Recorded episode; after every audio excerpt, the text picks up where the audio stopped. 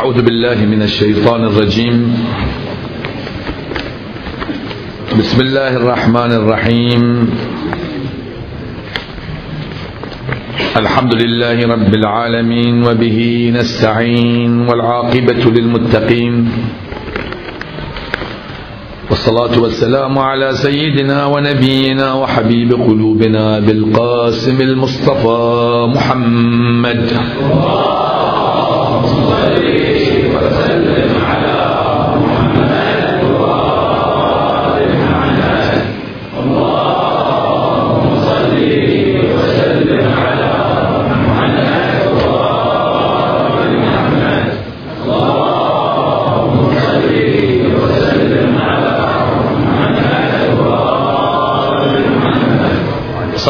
وسلم عليك يا مولاي أبا عبد الله يا ابن رسول الله. وابن أمير المؤمنين وابن فاطمة الزهراء سيدتي وسيدة نساء العالمين. يا رحمة الله الواسعة ويا باب نجاة الأمة. يا عبرة كل مؤمن ومؤمنة يا غريب يا مظلوم كربلاء. يا ليتنا ثم يا ليتنا كنا معكم فنفوز فوزا عظيما. عبست وجوه القوم خوف الموت والعباس فيهم ضاحك يتبسم. قلب اليمين على الشمال وغاص في الأوساط. يحصد للرؤوس ويحطم. وثنى أبو الفضل الفوارس النكصاء. فرأوا أشد ثباتهم أن يهزموا. صبغ الخيول برمحه حتى غدا سيان. أشقر لونها والأدهم. بطل تورث من أبيه شجاعة. سلام الله عليك يا أبا الفضل. بطل تورث من أبيه شجاعة. فيها أنوف. بل الضلالة ترغم. حامي الضعينة أين منك ربيعة أم أين من عليا أبيك؟ مكدم في كفه اليمنى السقاء يقله. وبكفه اليسرى الحسام المخذم. قسما بصارمه الصقيل. قسما بصارمه الصقيل وإنني في غير صاعقة السماء.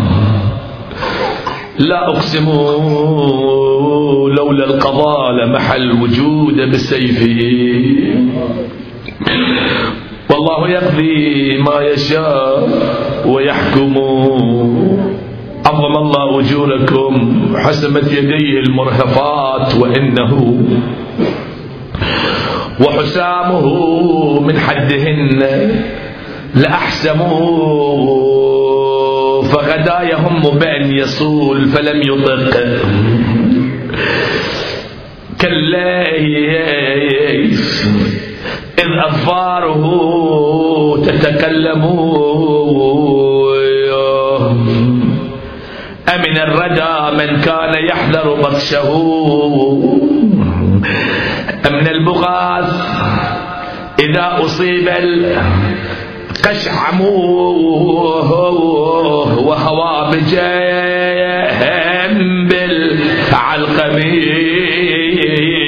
فليته رفع صوتك. وهوى بجهم بالعلقم فليته للشاربين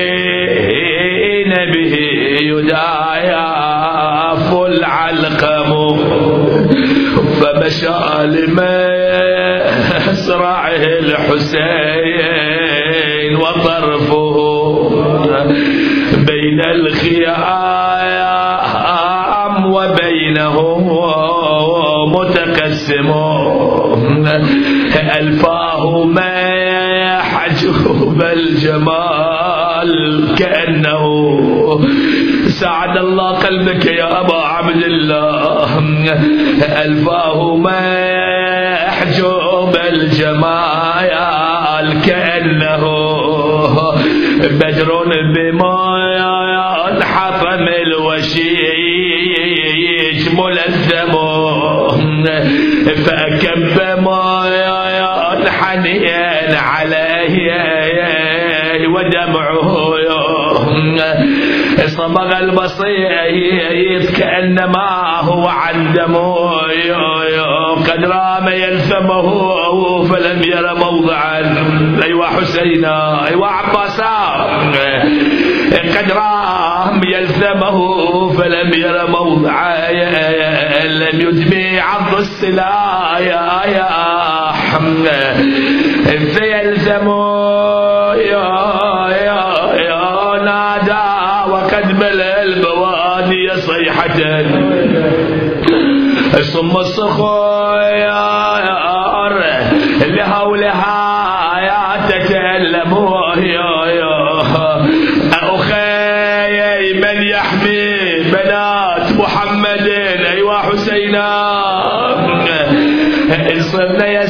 يسترحمن من يرحموا يا يا خويا انكسر ظهري ولا أقدر أقوم. صرت مركز يا خويا الكل الهموم يا خويا استوحدوني عقبك القوم. ولا واحد علي بعد. إنا لله. وإنا إليه راجعون. وسيعلم الذين ظلموا أي منقلب ينقلبون. والعاقبة للمتقين. قال تعالى في محكم كتابه ومبرم خطابه أعوذ بالله من الشيطان الرجيم. وما أمروا إلا ليعبدوا الله مخلصين له الدين حنفاء. ويقيموا الصلاة ويؤتوا الزكاة وذلك دين القيمة ندعو الله سبحانه وتعالى أن يوفقنا لمعرفة ساقي عطاش كربلاء. أبو الفضل العباس سلام الله عليه وأن يوفقنا لزيارته في الدنيا وشفاعته في الآخرة بحق الصلاة على محمد وآل محمد.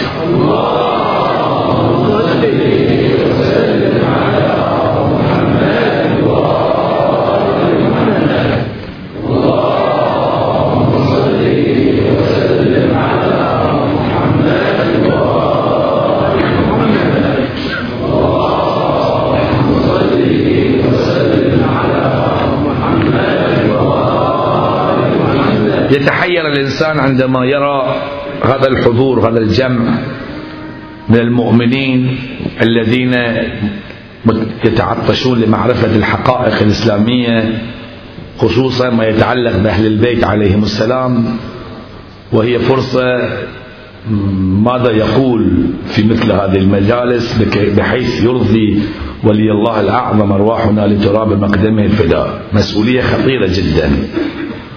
فرأيت بأنه الأفضل التحدث عن فضائلهم سلام الله عليهم أجمعين وأظن بأنه الحديث عنهم قطعا يرضي الإمام سلام الله عليه. ربما الأحاديث الأخرى لا يتأكد الإنسان خصوصا في مثل هذه الليالي لأن هناك شباب يحضرون في المجلس ربما بعضهم لأول مرة يعني أو يأتي في مثل هذه المجالس. الإنسان يتحير. يعني يوم القيامة يحاسب الإنسان. ماذا قلت في تلك الليلة؟ على أي حال فكرت في هذا اليوم. أن أتحدث بحديث مهم يتناسب مع شخصية باب الحوائج أبي الفضل العباس سلام الله عليه. فتابعت الروايات والآيات القرآنية في هذا المجال وجمعت معلومات كثيرة حوالي أكثر من 30 و 40 صفحة ثم أريد أن ألخصها في ساعة أو نصف ساعة أو ساعة ونص على أي حال. أحاول إن شاء الله أن أبين أهم تلك النقاط في هذا المجلس المبارك وندعو الله سبحانه وتعالى أن يوفقنا لمعرفة الدين ومذهب أهل البيت المذهب الحق حقيقة والغامض غير معروف لأصحاب المذهب. فكيف بغير أصحاب المذهب؟ ولكن بحمد الله هذه الجمهورية المباركة قد أنجزت إنجازات كثيرة ومنها التعريف بهذا المذهب. الحق والناس إذا عرفوا الحق هم يتبعون الحق. والحمد لله قد انتشر المذهب في أرجاء العالم. على أي حال موضوع بحثنا في هذه الليلة هو موضوع يرتبط بدولة الإمام الحجة سلام الله عليه. كلنا نشتاق إلى أن نعيش في تلك الدولة المباركة دولة الإمام الحجة. طبعا نتكامل هناك ثم بعد التكامل والموت وبعد ذلك ندخل في الجنة ونحن نعرف كيف نتلذذ من نعم الجنة.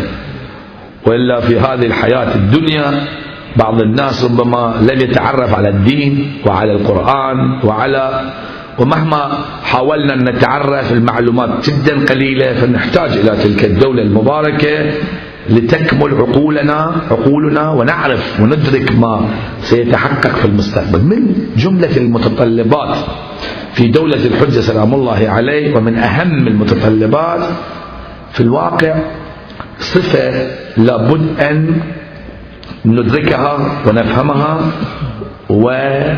ونوجدها في أنفسنا. وهذه الصفة نسميه الحنيفية. الحنيفية. موضوع بحثنا الحنيفية. الحسين المهدي. مثل ما قلنا الكهف. الحسين المهدي الحنيفية. الحسين المهدي. وعنوان آخر أيضا يرتبط بهذا الموضوع وهو من الطفوف له ارتباط بهذا الموضوع. لأن لولا من الطفوف لما تحققت الحنيفية. زين هذا العنوان. ولكي لا أخرج من الحديث أركز على نقاط أبينها مسبقا ثم ندخل في صلب البحث. النقطة الأولى سوف نتحدث عن هذا المصطلح في المقدمة. من ناحية لغوية من ناحية في الواقع شرعية روائية وما شابه ذلك. النقطة الثانية بعد ما بينا المقدمة ندخل في صميم البحث نتحدث عن إبراهيم الخليل والبحث عن الإمام الحجة والحنيفية.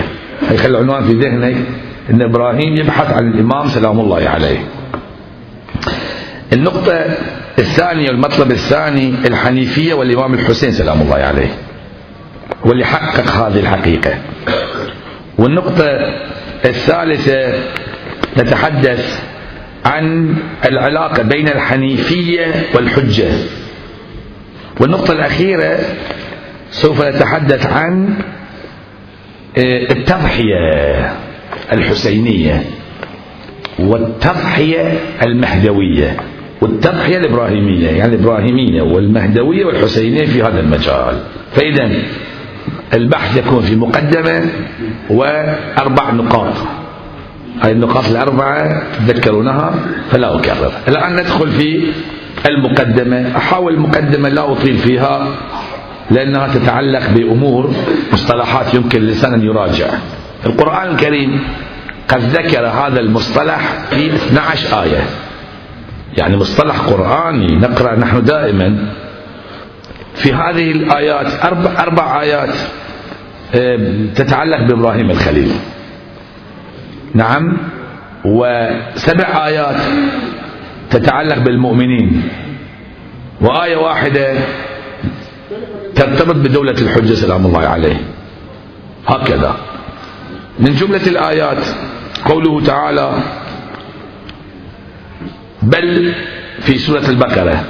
ملة إبراهيم حنيفا وما كان من المشركين. دققوا إخواني حنيفا ما كان من المشركين. حنيفا ما كان من المشركين. ركز على هذه النقطة. إن إبراهيم كان أمة قانتا لله حنيفا ولم يكن من المشركين. زين ما يقول موحدا ولم يكن من المشركين. يقول حنيفا ولم يكن من المشركين.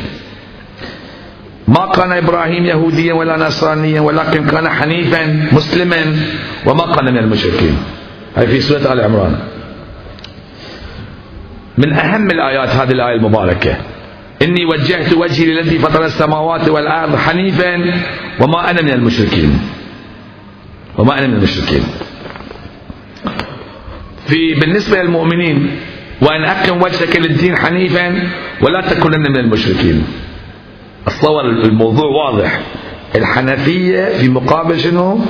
عدم الشرك. وهكذا الآيات موجودة سبع آيات في هذا المجال. حتى في سورة الحج يقول حنفاء لله. غير مشركين به. ماكو حنفاء بدون عدم الشرك. غير مشركين به. ومن يشرك بالله فكأنما خر من السماء فتخطفه الطير أو تهوي به الريح في مكان سحيق. بس آية واحدة تثبت بدولة الحجة سلام الله عليه.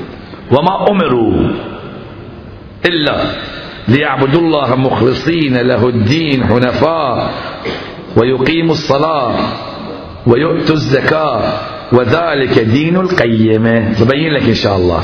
شوف هاي ما في عدم الشرك موجودة. مخلصين له الدين حنفاء. بعد بيان هذه النقطة أبين لكم أيضا نقطة أخرى نقطة لطيفة أن الحنفية الحنيفية لها علاقة بالحج أيضا.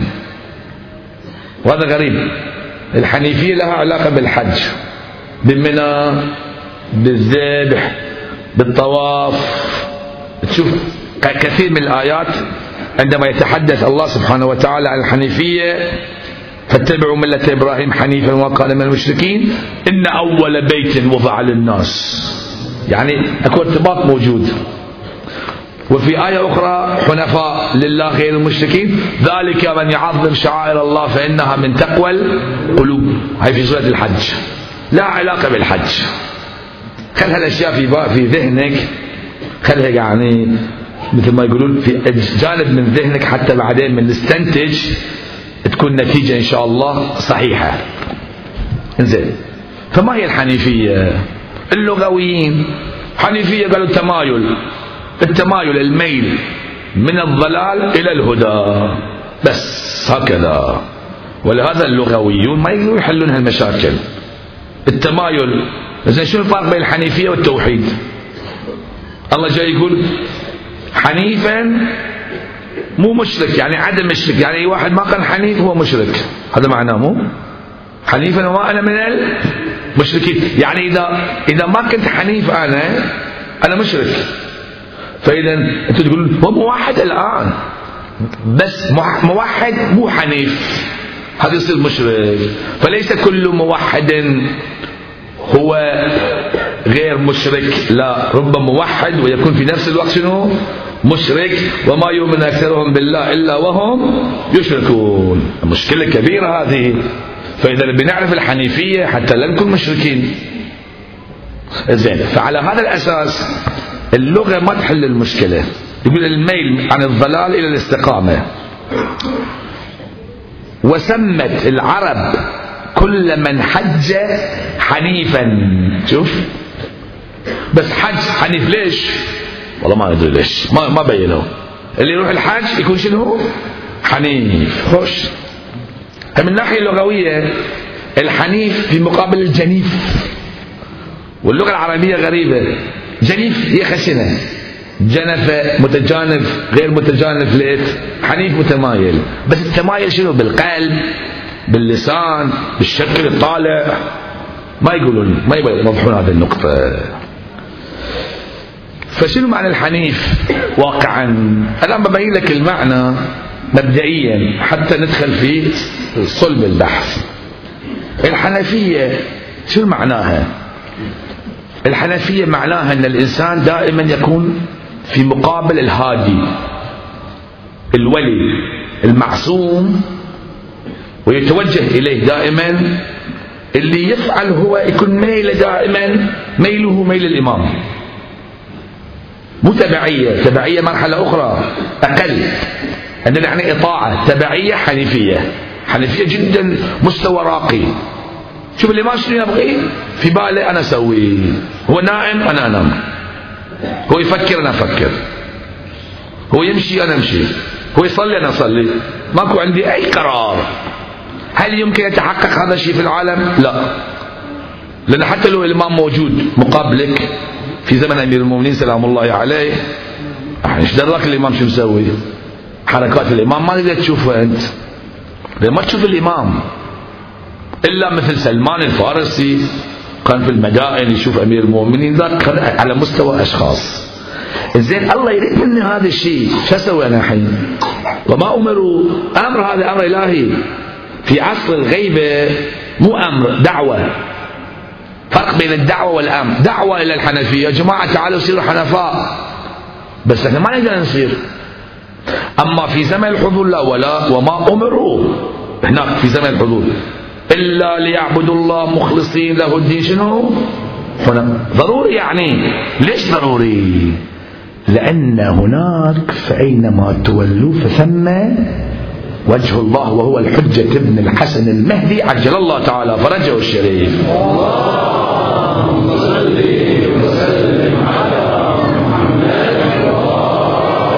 يعني ماكو بعد. يعني أي مكان طالع مثل فكرك يصير. الفكر شلون؟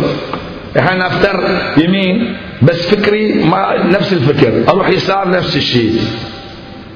في دولة الحجة عندما تكمل العقول مثل الفكر ها تشوف الحجة وراك فوق تحت ماكو. فلازم تكون حنيف. إذا ما صرت حنيف ما تقدر تعيش في تلك الدولة. مشكلة كبيرة. وما أنا من المشركين. أما الآن لا. مهما حاولت ما تقدر تصير حنيف. ولهذا إحنا في عصر الغيبة. نقول إلهنا إحنا مشركين واقعا. وما يؤمن أكثرهم بالله إلا وهم. العرفاء يقولون الشرك الخفي. الشرك الخفي. نبي نتخلص من الشرك. نبغي وش يكون يرتاح الإنسان. خلاص أي شيء الحجة الآن. يرتاح. هذه تكليفي أنا.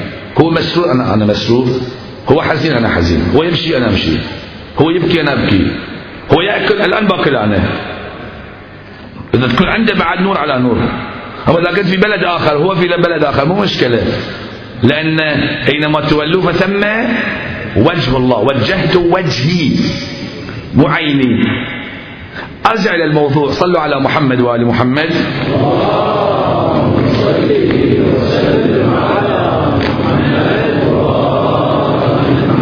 فإذا الحنيفية بابها مفتوح للخواص في عصر الغيبة لا أدري ربما أناس الآن يعيشون مع الإمام الحجة وعندهم القدرة لكن ما أظن إلى هذا المستوى. يشوف الحجة يمكن سلام الله عليه بس مو في كل لحظة متوجه إليه إلا في عصر الحضور أو في زمن الأئمة عليهم السلام.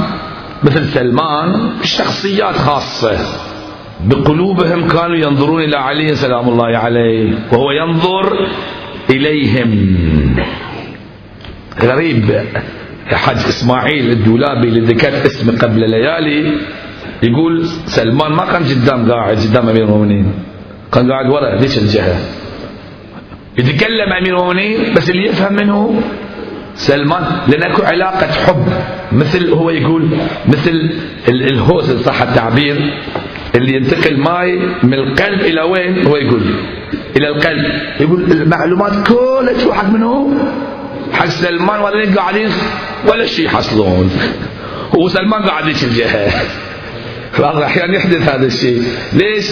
لأن سلمان كان حنيف. هو كان حنيف.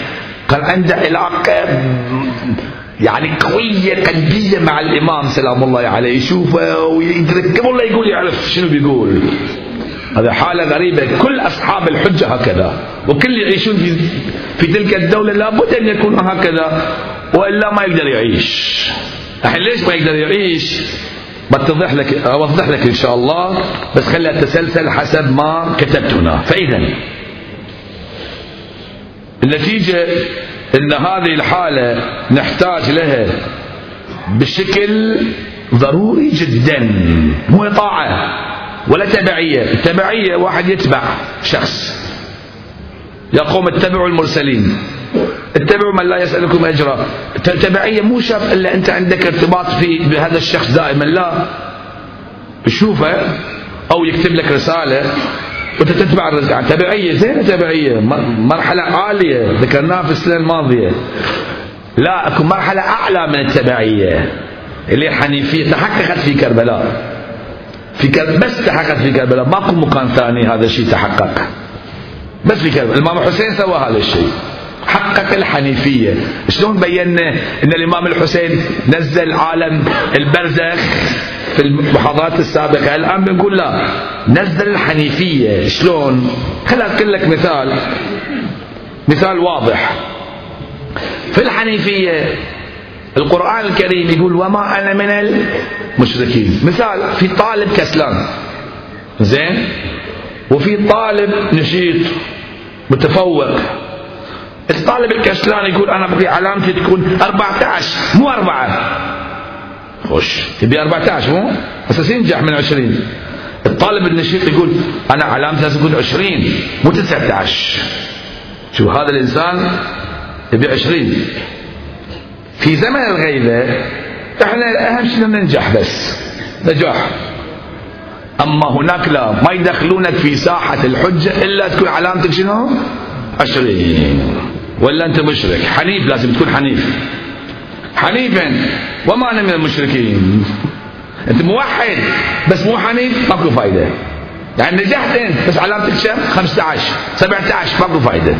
لازم العلامة تكون شنو؟ 20 من 20 هذا إبراهيم يقول وجهت وجهي الذي فطر السماوات والأرض.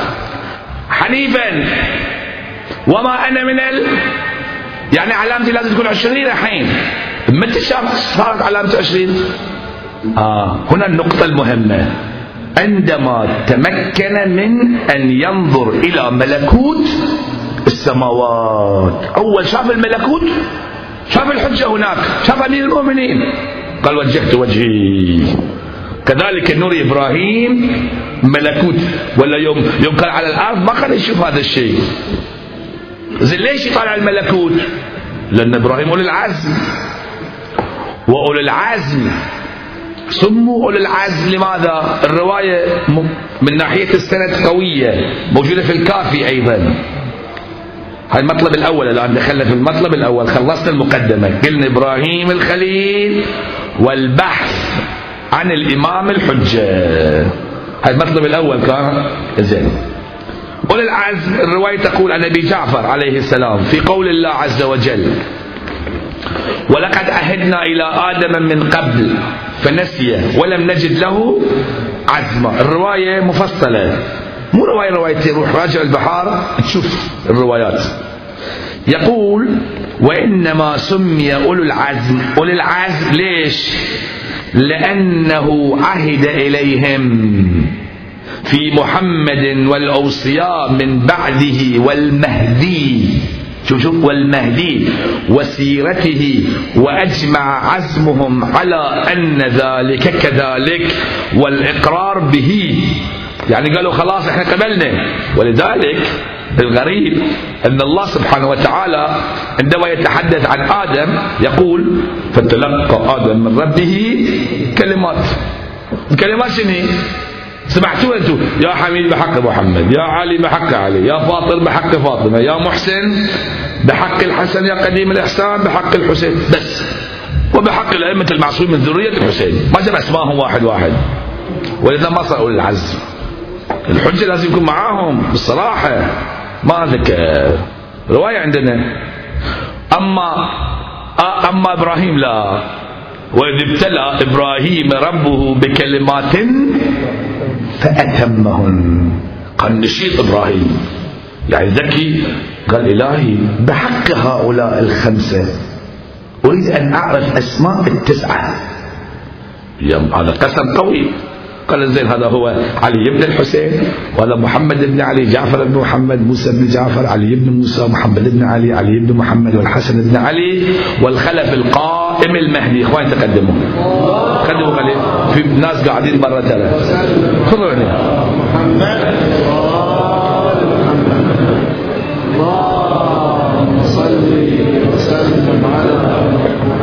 تفضلوا اللي برا تفضلوا داخل. في مكان. ورا المنبر في مكان اخواني. البرد ترى بتأذون. جماعة تفضلوا داخل زين. فاذا إبراهيم لازم الحين يدور على الإمام الحجة وينه لازم يدور على الإمام الحجة. يبي يعرف لأن عنده مش عنده يبي يعيش معاه. يمكن واحد يسأل هذا السؤال حق الشباب بالخصوص. يقول يعني شنو الإمام الحجة أمير المؤمنين كان قبل إبراهيم؟ نقول نعم. ليش الدليل؟ الدليل واضح. كان قبل إبراهيم بس ما كان في العالم المادي. حقيقته كإنسان كامل كان قبل. الدليل جدا واضح. أسألك سؤال. من هو أفضل إبراهيم أو النبي الأكرم؟ طبعا النبي. صلوات الله وسلامه عليه والأئمة. فإذا أفضل موجود في العالم هو الإنسان وأفضل إنسان هو النبي والأئمة وأفضل الأنبياء رسول الله. زين في واحد هاي في القوسين أقول لكم بس على أساس بعض الأخوة يمكن عندهم السؤال وما في مجال يسألون. في واحد مؤلف كتاب أو رسام عنده رسومات حلوة. تاخذ الرسمة أنت تطالعها وما شاء الله وايد حلوة يقول هاي شنو؟ اترك الرسمة عندي رسمة ثانية رسمتها قبل يومين. هاي مال قبل 15 سنة. أو 15 سنة قبل إيه تعال شوف الرسومات اللي الحين عرضها بالمعرض. تعال. ليش؟ يقول ليش أول رسم وحش ما أقدر توني متعلم ذيك الأيام. الحين توني الآن ترقيت تعلمت وتعلمت وتعلمت. الإنسان هكذا يتعلم. قليل قليل يرتفع مستواه. صحيح؟ ولكن الله ليس كذلك. الله بتقول أول إنسان خلق كان مو عدل يعني مو مو ذاك الأول واحد مو أحسن واحد. قليل قليل خلى أحسن واحد آخر شيء نقول شنو هالحكي؟ نقول الله ليش خليت أحسن واحد آخر شيء؟ يقول بس يقول ما يصير. أحسن واحد نبغي المفروض دائما الأحسن أنت توجده. لأن الله الشمس تشرق أول نور أشد الأنوار لازم تكون موجودة. اين جمالك يا جميل في زمن آدم. يقول والله جمالي بيجي بعد مدة بعد آلاف السنين. نقول ما يصير. الله مو مثلنا إحنا فلذلك يوم كان الله موجود هاي يوم كان بنقول من باب الضيق في التعبير. لأن ذاك خالق وهؤلاء شنو؟ مخلوقون. من ذلك اليوم وفي كل لحظة لابد من وجود المعصوم. ولهذا نعتقد بأن نورهم في كل زمن موجود وشخصهم أيضا كشخص كشخص كشخصية دائما موجودين. كشخص أيضا لابد أن يكون في كل زمن الحجة موجود. لولا الحجة لساقت الأرض أهلها وبهذا الدليل نعتقد بوجود محمد وآل محمد اللهم وسلم على محمد قبل الخلق مع الخلق بعد الخلق فإذا الآن إبراهيم يدور على من؟ على الإمام الحجة سلام الله عليه وين الإمام الحجة؟ وكذلك نري إبراهيم ملكوت. ملكوت شنو معناه بعض الناس شيخنا ليش يجيب الاصطلاحات. هاي في القرآن موجود. ما يدري أن في القرآن موجود ملكوت. أولم ينظروا إلى ملكوت؟ هاي يبين إحنا نقدر نشوف الملكوت يعاتبنا ليش ما طلعوا طلعوا الملكوت أنتم مثل إبراهيم؟ طلعوا الملكوت يا جماعة. هو نعرف الكلمة معناها. شلون طالع؟ إيش عرفنا؟ القرآن يقول. فسبحان الذي بيده ملكوت وكذلك نور إبراهيم ملكوت. يعني يعني عالم غير هالعالم اللي نعيشه شاف ذلك العالم. يوم شاف تفاجأ شاف نور عجيب. نور. وأطراف عنوان يتحركون. قال من لمن هذا النور؟ قال هذا علي بن أبي طالب. والأطراف شنو؟ شيعة. قال استأذنكم من الشيعة؟ قال نعم. القرآن يقول وإن من شيعته يعني شيعة علي لإبراهيم إذ أتى ربه بقلب سليم. هناك يقول إلا من أتى الله بقلب يوم صفى قلبه صار من شيعة أمير المؤمنين. بعض الناس يقولون من هو أول شيعي؟ يقول إبراهيم الخليل. والرواية موجودة وتفصيل الموضوع ربما شرحته في السنوات الماضية والمحاضرات أيضا موجودة يمكن تسمعونها. فإذا هذا أول شيء واجهه. وثاني شيء قال الحين أنا أبغي أتبع آه، الحجة سلام الله عليه. قل أمير المؤمنين كلنا نور واحد في عالم الأنوار ماكو أشخاص. شو أسوي؟ يقول خلينا نراويك ملكوت كذلك نري إبراهيم ملكوت السماوات والأرض. فلما جن عليه الليل رأى كوكبا. يقول يا جماعة تتبعون شنو أنتم؟ روحوا. ابتعدوا عن كذا وكذا وكذا وكذا. آخر شيء يقول وجهت ما يقول عيني وجهي. وجهي ها. أين وجه الله الذي يتوجه إليه الأولياء؟ وجهته وجهت وجهي. أينما تولوا فثم هاي في دولة الحجة بس إبراهيم جاب الملكوت للذي فطر السماوات والأرض. زين الحين شنو؟ شنو مستوي حركاتك؟ حنيفا. حنيفا. خلاص أنا حنيف. وما أنا من المشركين. إن صلاتي ونسكي ومحياي ومماتي لله ولكن حنيف. والوجه مو العين. التوجه إلى الرب صار. والرب. دائما من تشوفوا الرب مو الله قال قال رب. الرب عندنا والمربوب عندنا. نعم المربوب هو الإنسان الكامل. فالتوجه كان إلى ربوبية الرب مو ألوهية الإله. الربوبية ظهرت في ماذا؟ الرحمة الإلهية. ظهرت في الإنسان الكامل كما قلت هم محمد وآل محمد.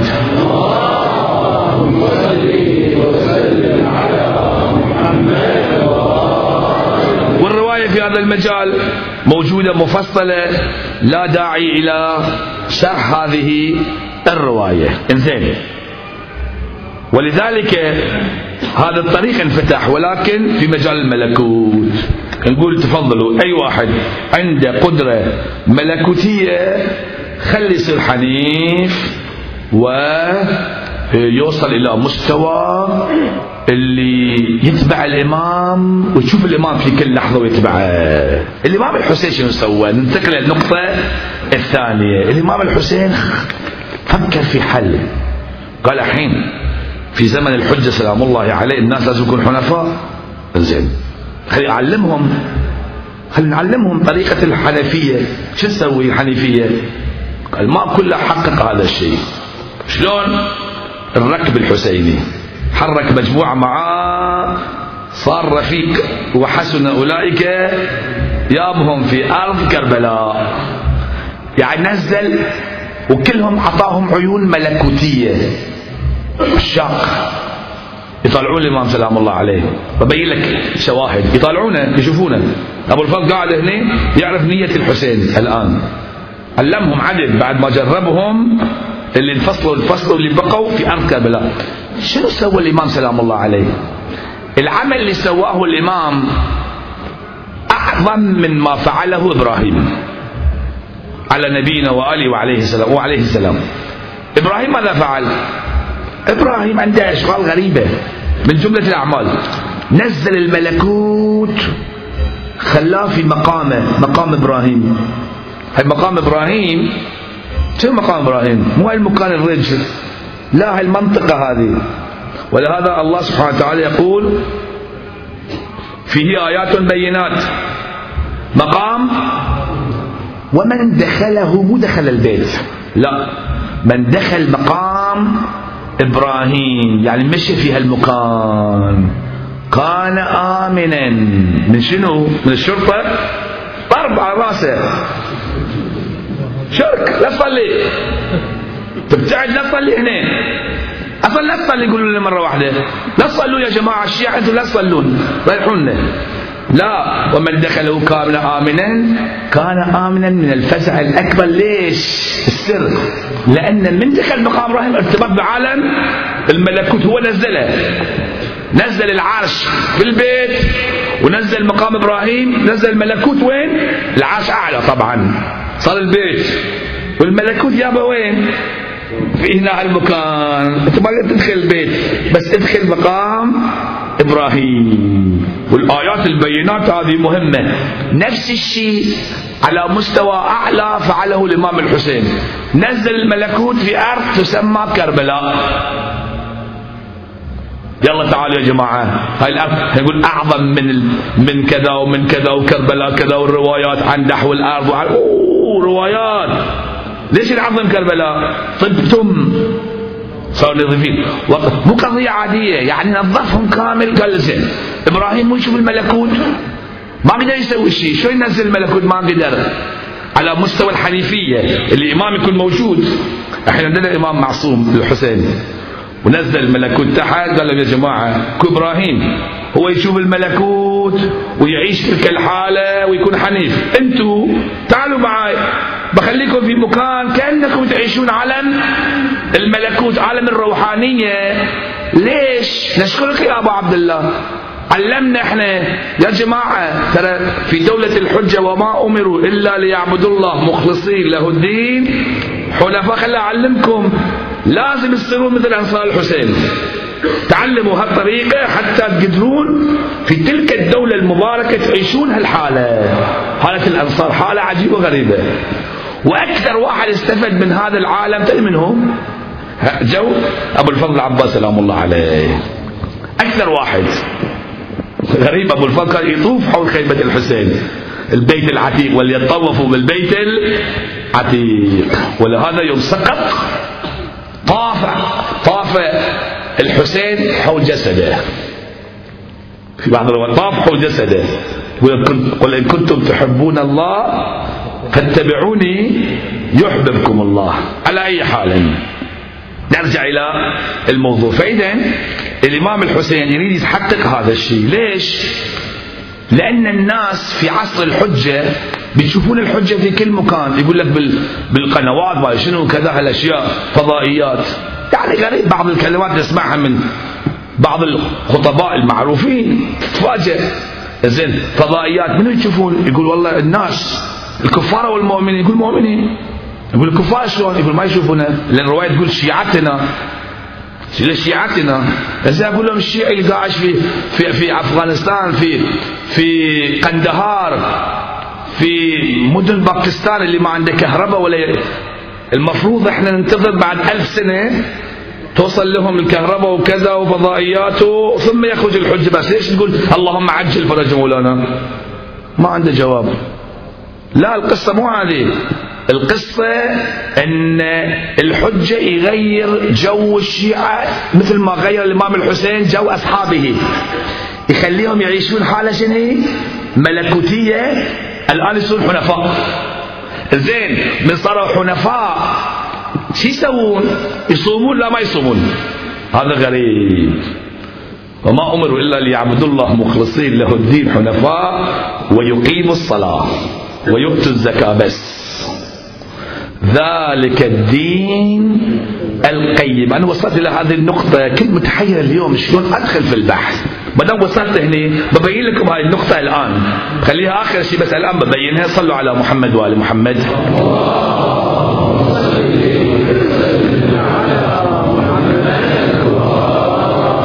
زين. ذلك الدين القيم يعني شنو؟ الروايات غريبة. كنت أراجع الروايات. شفت بأنه يقول الدين القيمة أي دين القائم. مو قيم قيمة فيها مبالغة. أهل الأدب. مو القيم. القيم هذا. ولا عندنا. يأتي بدين جديد. دين القائم.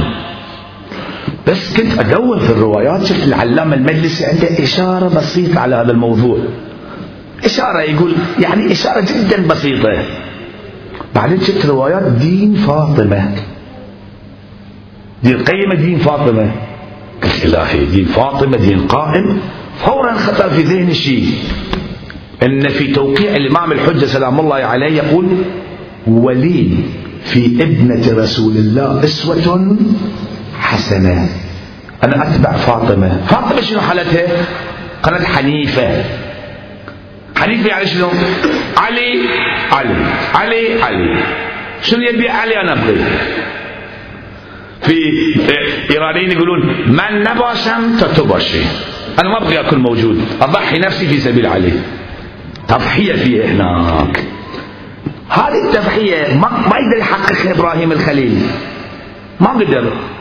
فلما أسلم وتله للجبين ناديناه أن يا إبراهيم قد صدقت الرؤيا. بس حققت الصديقة الكبرى فاطمة سلام الله عليها. شوف هي حنيفة. ولهذا يقول وما أمروا إلا ليعبدوا الله مخلصين له الدين حنفاء حنفاء. بعد ماكو هني خلاص مخلصين صار بعد لا تجيب اسم الشرك؟ الله ما يجيب. وصلوا إلى مستوى عالي خلاص. ذلك الدين ذلك الدين القيمة دين القائم دين الزهراء يعني منطق الزهراء منهاج الزهراء سلام الله عليها. اللي فيه التضحية بس هذا المنهاج منو اللي أوجده وأثبته؟ مو حلق الشعر قطع الرؤوس في كربلاء. مو تحلق شعرك؟ مو ذبح الخروف لا. ذبح علي الأصغر طفل الرفيع. ها هنا والله ذبح أطفالنا. ها هنا والله سبيت نساؤنا القاسم والعباس. وعلي الأكبر أثبت هذه الحقيقة لأن في دولة الحجة أيضا عندنا تضحية. حقق حج. عندنا حج إبراهيمي وحج حسيني. سوى منى من الطفوف. هذا المنى الحقيقية هنا الأمنية؟ منى يعني أمنية. أمنية الشائق من هو الحجة؟ أمنية الشائق يتمنى من مؤمن ومؤمنة ذكرى فحنا حقق منى والمنى الحقيقية هناك في كربلاء. تعالوا هناك شوفوا المنى حتى تشتاقون إلى الحجة. سلام الله عليه فإذا هذا الشيء هذا شيء لطيف. يعني شيء جميل حقق الإمام الحسين. سلام الله عليه. ليش جميل؟ لأن شيء صعب. مو كل واحد يقدر يحققه يقول والله إذا رحت عالم الملكوت تقدر تصير حنيف. خوش. مثل واحد يقول والله بروح إلى كوكب من الكواكب. يقول مو مشكلة توصل نفسك القمر. من وصلت هناك أنا بوديك إلى المريخ. شو يوصلني هناك أنا؟ يقول توصل نفسك. من وصلت نفسك إلى القمر إن شاء الله أنا بوديك. يقول وصلوا نفسكم الملكوت. شو وصلنا؟ إبراهيم أنت وصلت شو وصلنا؟ الإمام الحسين قال لا. تعالوا كربلاء. تعالوا. يلا خلاص وصلتوا. سيروا حق حنفاء يعني الحركة اللي سواها حركة غريبة. حركة برزخية من ناحية حركة ملكوتية. جاب الأصحاب خلاهم هناك. وشنو سوى طريقة يقول سهل ممتنع لطيفة جدا. لأن أول شيء الإمام الحسين سلام الله عليه نعم في المدرسة الحسينية الحنيفية لازم تكون دائمة دائمة. شلون دائمة؟ هذه نقطة مهمة. يعني إذا ما قال الإنسان دائما مع المعصوم ما يقدر يمارس الحنيفية. إذا مو موجود عندك ماكو فايدة. خلى كربلاء في ذهن الشيعة دائما. لأبكينك أندبنك صباحا. ولذلك أقول لنفسي ولكم إذا إن شاء الله بتصيرون من جنود الحجة لازم كل يوم تبكون على الإمام الحسين.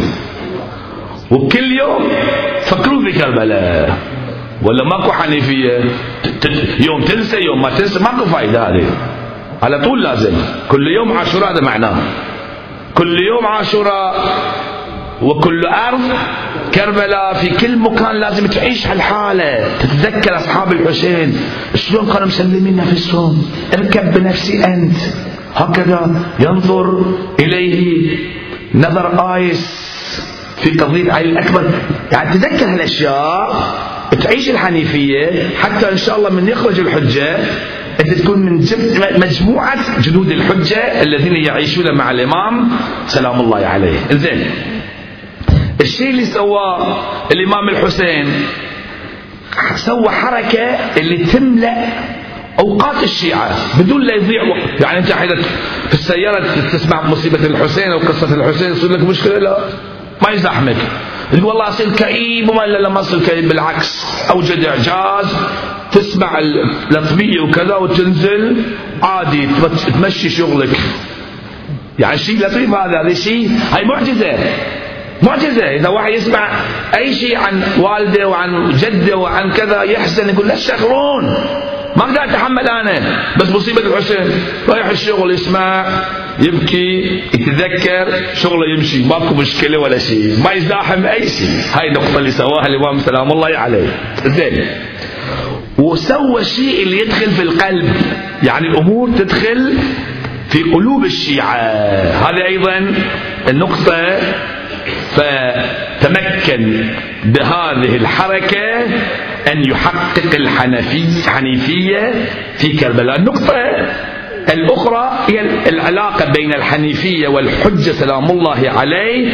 بينت لكم هذه النقطة خصوصا قوله تعالى ولله المشرق والمغرب فأينما تولوا فثم بعض الناس يقول يعني وقعنا الآية شنو مقصود منها الكعبة غلط. فأينما أي يعني أي جهة تصلي يلا صل تفضل. عكس القبلة. صلاتك باطلة. فولوا وجهكم شطر المسجد هاي الآية مو الكعبة. هاي الآية هي الكعبة الحقيقية. اللي الشيخ البهائي رضوان الله تعالى عليه الشيخ البهائي عنده قصيدة فارسية وقصيدة عربية. في القصيدة الفارسية يقول مقصود توي كعبة وبتخانة بهانة. مقصود توي المقصود أنت.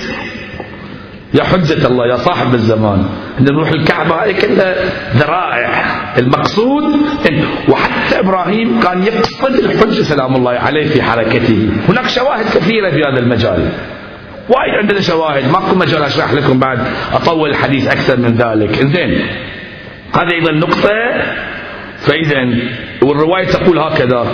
الإمام أمير المؤمنين سلام الله عليه وهم وجه الله الذي قال فأينما تولوا فثم وجه الله هو بقية الله يعني المهدي عجل الله تعالى فرجه الشريف. فبالنتيجة نحن نحتاج إلى هذا الشيء. بينت لكم أيضا فاطمة والحنيفية. أيضا هذه النقطة شرحتها وفي عصرنا الحنيفية مو ميسرة. ريح نفسك.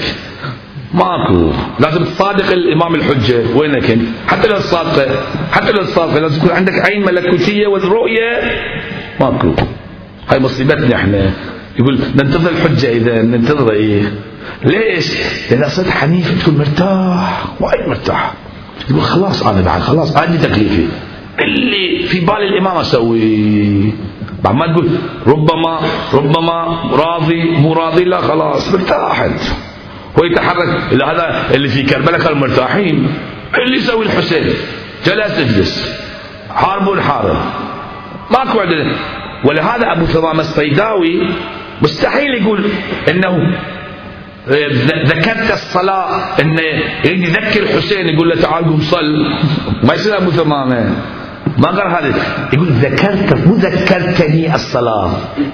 بعض الخطباء يشتبهون هنا ذكرت الصلاة. جعلك الله من ال ولا صاحب الحسين. يقول يا حسين ترى صار وقت الصلاة خوش. هذا حنيف هذا بعض الناس عندهم الطبيعة. لا لا الإمام صلى صلى ما صلى ما بصلي. خلاص. حدث في زمن النبي. يقول حق الرجل تعال. يقول والله في حال الصلاة. في دولة الحج نحتاج إلى هذا الشيء. ناس يطوفون مثل ما بينت لكم. أي طواف يلا قوموا تحركوا. الحنيف مو واحد ينادي الحج الحجة يناديه الإمام يناديه يقول والله خلي عندي تعقيبات. فورا يقوم. حتى لو في الركعة الثانية. يصير ينادي الحجة نعم. يمكن. يمكن يناديه إذا في شيء ضروري يناديه إيش درنا إحنا هو يمكن بجربة يعني تجر لأنه هو فوق الصلاة. الإمام فوق الصلاة. كما قال في الرواية معروفة بني الإسلام على خمس على الصلاة والزكاة والحج والجهاد والولاية. وما نودي بشيء بمثل ما نودي بالولاية. ذروة الأمر وسنامه وباب الأشياء ورضا الرحمن. الطاعة للإمام. هو ما يسوي هذا الشيء الإمام سلام الله عليه. يمكن إذا قال له قوم أكيد يعرف أن هي صلاة باطلة وضوء مو صحيح. يصلي يناجيه ما يجاوب. ونادى ليش؟ هو على جنابه ما يدري عن نفسه. يقول له شو جاي تصلي أنت؟ لازم أكيد يعني إذا ينادي بهالطريقه ولا صلاة صحيحة 100% الامام وهاي تجربه هاي امتحان امتحنه رسول الله. اللي ينادي الرجل جاي يصلي. قال أنا الصلاة شو تقول أنت؟ ويمكن على جنابه كان.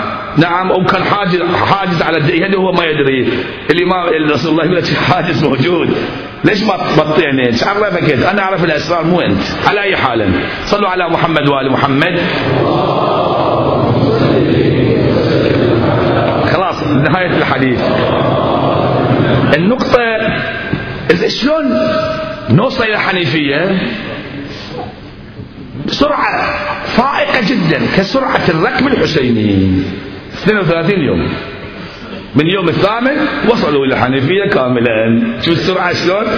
إحنا إذا نعيش مع الركب الحسيني بسرعة نوصل إلى هذه الحلقة خصوصا مثل أبو الفضل العباس اللي من أول يوم كان مع الإمام. الحسين تعايش مع آخر نقطة. الحنيفية قلنا بأنها تحتاج إلى تضحية تضحية. أنا الآن تذكرت موقف قبل تقريبا 30 أو 35 سنة في البحرين سمعت محاضرة لشخص أتذكر محاضرة الآن وهو الأستاذ الخطيب البارع بالفارسي طبعا فخر الدين الحجازي تعرفونه؟ الحين مريض خطيب عجيب هو اللي وقف على الوقف الجاسوسي وتحدث. وهو اللي في قم صارت مشكلة تحدث. قدام الإمام كان يتحدث. مدح الإمام في يوم من الأيام قال لا تمدحني الكثر. في المجلس قال له ولكن أتذكر يوم من الأيام قال بأنه من میخواهم يك مصيبة التكنيكي بخونم يعني أريد أقرأ مصيبة تكنيكيا صح التعبير فيها تكنولوجيا. شلون يعني؟ قال الحسين سلام الله عليه جاء إلى شريعة الفرات. فرأى الإسلام رأى برج عظيم طايح على الأرض. برج طايح. أنا ما أسميه إسلام. أسميه الحنيفية أحسن من الإسلام. ويقول برج الإسلام. أنا أقول الحنيفية ساقطة وين؟ على الأرض قال إلهي يصير نرفع هذا البرج.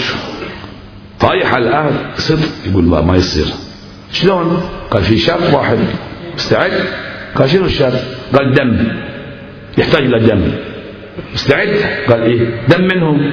قال دم بعد الحين بقول لك واحد واحد. أصحاب واحد واحد أرسلهم. استشهدوا. ارتفع قليل. ارتفع الإسلام والحنيفية ارتفعت قليل. قال بعد نبغي دم. دم منهم.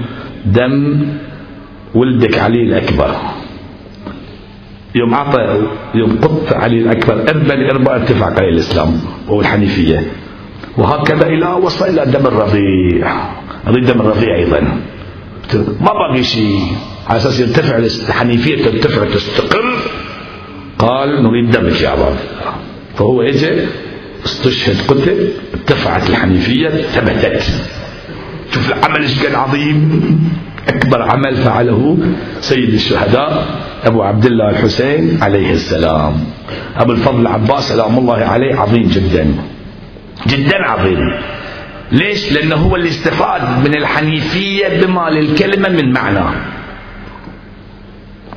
لو تراجع زيادة أبو الفضل العباس تحس أن أبو الفضل غير الشهداء الباقين فنعم الأخ المواسي لأخيه أشهد لك بالتسليم والتصديق. تسليم فيه حنيفية. مسلما وما أنا من المشركين حنيفا مسلما مقصود هذه. والتصديق والوفاء والنصيحة لخلف النبي المرسل والصدق المنتجب والدليل العالم والوصي المبلغ والمظلوم المهتضم فجزاك الله عن الإسلام خير الجزاء. نشكر أبو الفضل العباس شكرا لك يا أبا الفضل. بينت لنا أن يمكن إنسان غير معصوم ظاهرا. يعني مو من المعصومين 14 يوصل إلى الحنيفية إلى مستوى كأنه هو المعصوم. تدرون؟ الإمام الحسين كان من يشوف العباس يشوف أمير المؤمنين سلام الله عليه. ينظر إلى أمير المؤمنين. لأن العباس دائما يقول أنا ابن علي المرتضى. والعباس سلام الله عليه بالعين الملكوتية من يشوف الحسين ما يشوف الحسين يشوف فاطمة الزهراء. أنا ابن فاطمة الزهراء. الحسين دائما يقول أنا ابن فاطمة الزهراء والعباس يقول أنا ابن علي المرتضى وهذا يتذكر أمير المؤمنين وذاك يتذكر الزهراء. وهاي الحالة النورانية كانت موجودة إلى أن افتقد الحسين أخاه أبو الفضل. قال الآن انكسر ظهري ليش؟ لأن افتقد أمير المؤمنين في تلك اللحظة كما أنه عندما افتقد علي الأكبر افتقد رسول الله. تأذى الحسين كثير. لا بأس أن نقرأ مقتل العباس سلام الله عليه في هذه الليلة ونشير إلى بعض النقاط في ضمن المقتل. ولما رأى وحدة الحسين عليه السلام بعد قتل أصحابه وجملة من أهل بيته قال لإخوته من أمه عبد الله وجعفر وعثمان يا بني أمي تقدموا لأحتسبكم عند الله تعالى. فتقدموا حتى قتلوا. فجاء إلى الحسين عليه السلام واستأذنه في المصال وقال هل من رخصة؟ شوف التعبير. هذا الليلة نبكي على أبو الفضل العباس سلام الله. ساعدوني أنتم إخواني. فبكى الحسين عليه السلام بكاء شديدا. ثم قال يا أخي أنت صاحب لوائي وإذا مضيت تفرق وإذا مضيت تفرق عسكري. فقال لقد ضاق صدري وسئمت الحياة. فقال له الحسين عليه السلام إن عزمت فاستق لنا ماء. فأخذ قربته وحمل على القوم. وكأني بزينب سلام الله عليها. اجت زينب ذبة المعصم. قدام اخوها والدمع صاب اجت زينب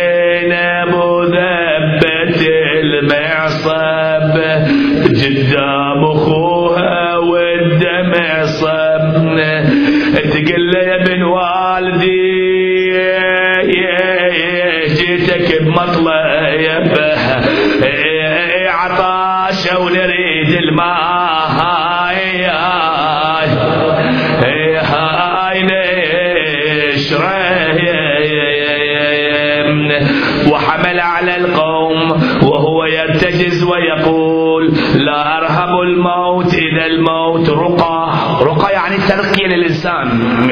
حتى أواري في المصاليت لقاء.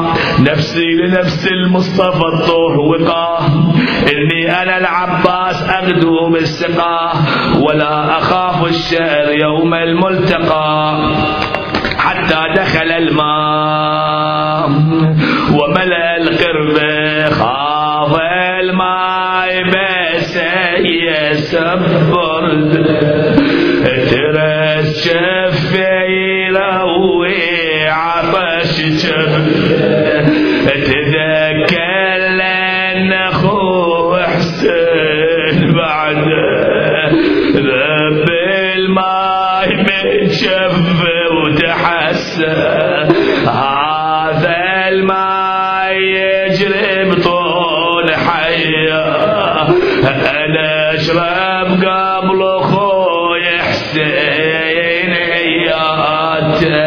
مصيبة العباس مصيبة كأنها سبحان الله كأنك تقرأ القرآن الكريم كأنك تقرأ نهج البلاغة هكذا.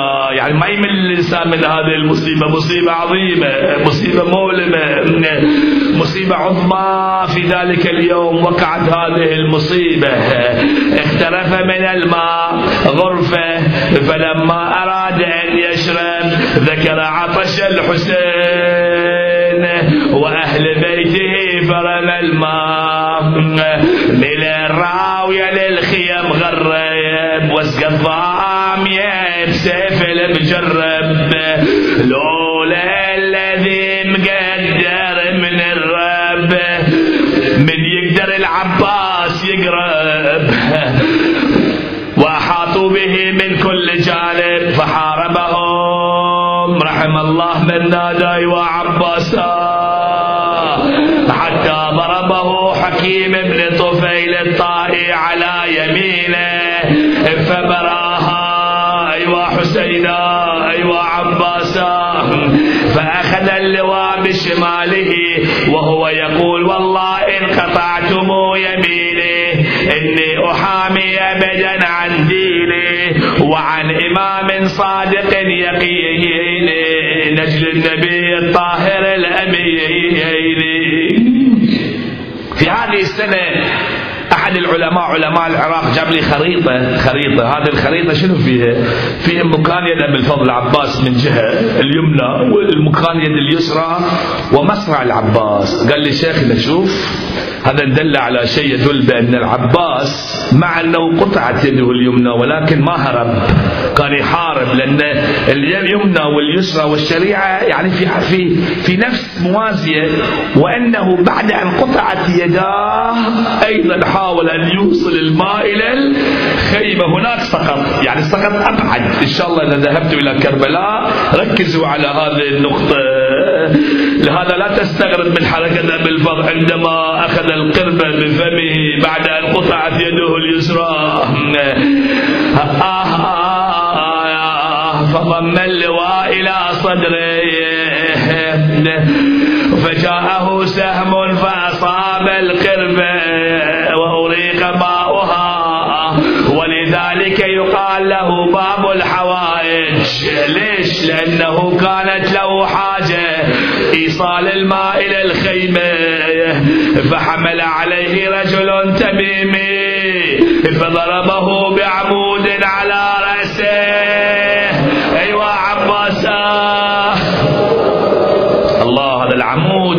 شنو سوى العمود؟ العمد العمد آه العمد. تقول أم البنين العمد آه العمد. صوب دليلي. العمد آه العمد. صوب دليلي وطاير دون الشريعة. ذكرت أم البنين. هي أيضا باب الحوائج. دون الشريعة فضخ من قمر هاشم هام. أنا معلوم شبدي بشر صوب بشبدي هام. العقل من المدينة لزم درب الطفوف وهايام. العقل ويا القلب صفق جناحه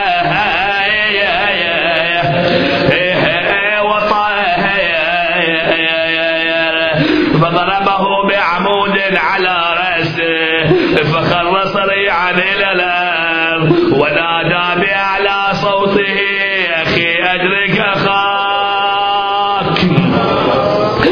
طاح على الوطية وصايح يا حسين ولقاه حسين. شافه مقطع جفوفه وراسه بالعمد نصين. أيوه حسينا تخوصر يم عضيده. وقام يجري الدمع على الخدين الشحال. قلب حسين من طب المعارة. رفع صوتك. شاف العضيد مقطعه يمينه وشمال. ودموم جرح العين.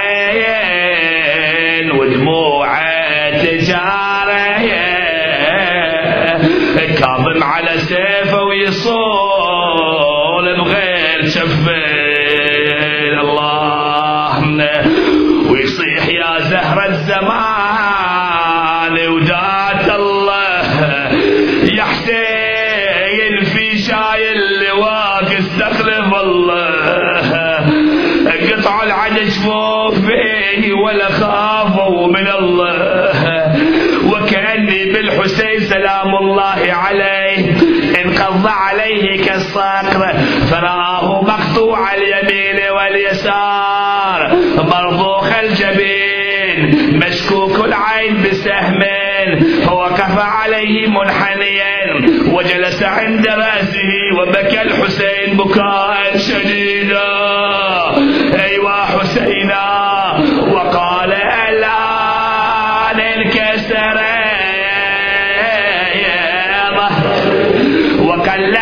وقلت حيلتي وشمت بي عدوي ثم حمل على القوم. تأمل في هذا المقطع. فجعل يضرب فيهم يمينا وشمالا. فيفرون بين يديه كما تفر المعزى إذا شد فيها الذئب. هذه الجملة تؤلم القلب. يا زهراء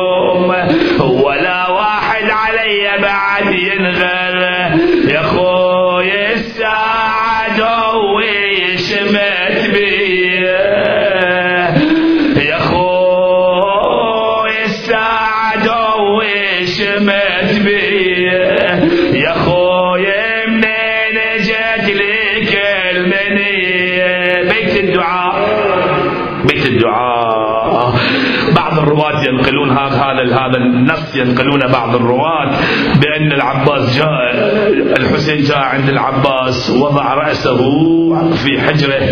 نعم كان يتصور لا أدري ربما نقل, نقل بعض العلماء نقل هذا الشيء يعني سمعت من بعض العلماء. فقال له يا هذا يا هذا أمهلني حتى أودع أخي يأتي إلي أخي ودعه وودع وعد ودعني وأشمه ويشمني فصرخ الحسين أنا أخوك الحسين. يميك يا زهرة لا أستطيع أتحمل مصيبة العباس. ماذا أفعل؟ أصرخ؟ أيوة عباس. أيوة حسين. يعني نحن لا نتحمل الله يعلم يميك يميك يا أبو فا لشفاء المرضى هذا البيت. البيت مؤلم حقيقة. يا أبو فاضل الآن حسين يمك اختلط دمع فيض دمك السكنة تسلي طفل بالسك الله. ماذا تقول سكينة الآن؟ ماذا تقول الأطفال؟ ذهب عمو العباس. كيف تجيب الطفل الرضيع؟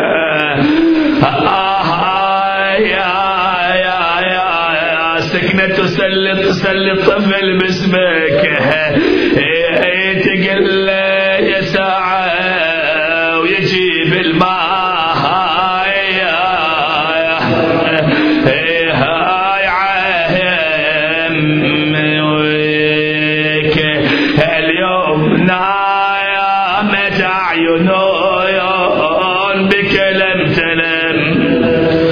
وتسهلت أخرى فعز منامها. إنا لله وإنا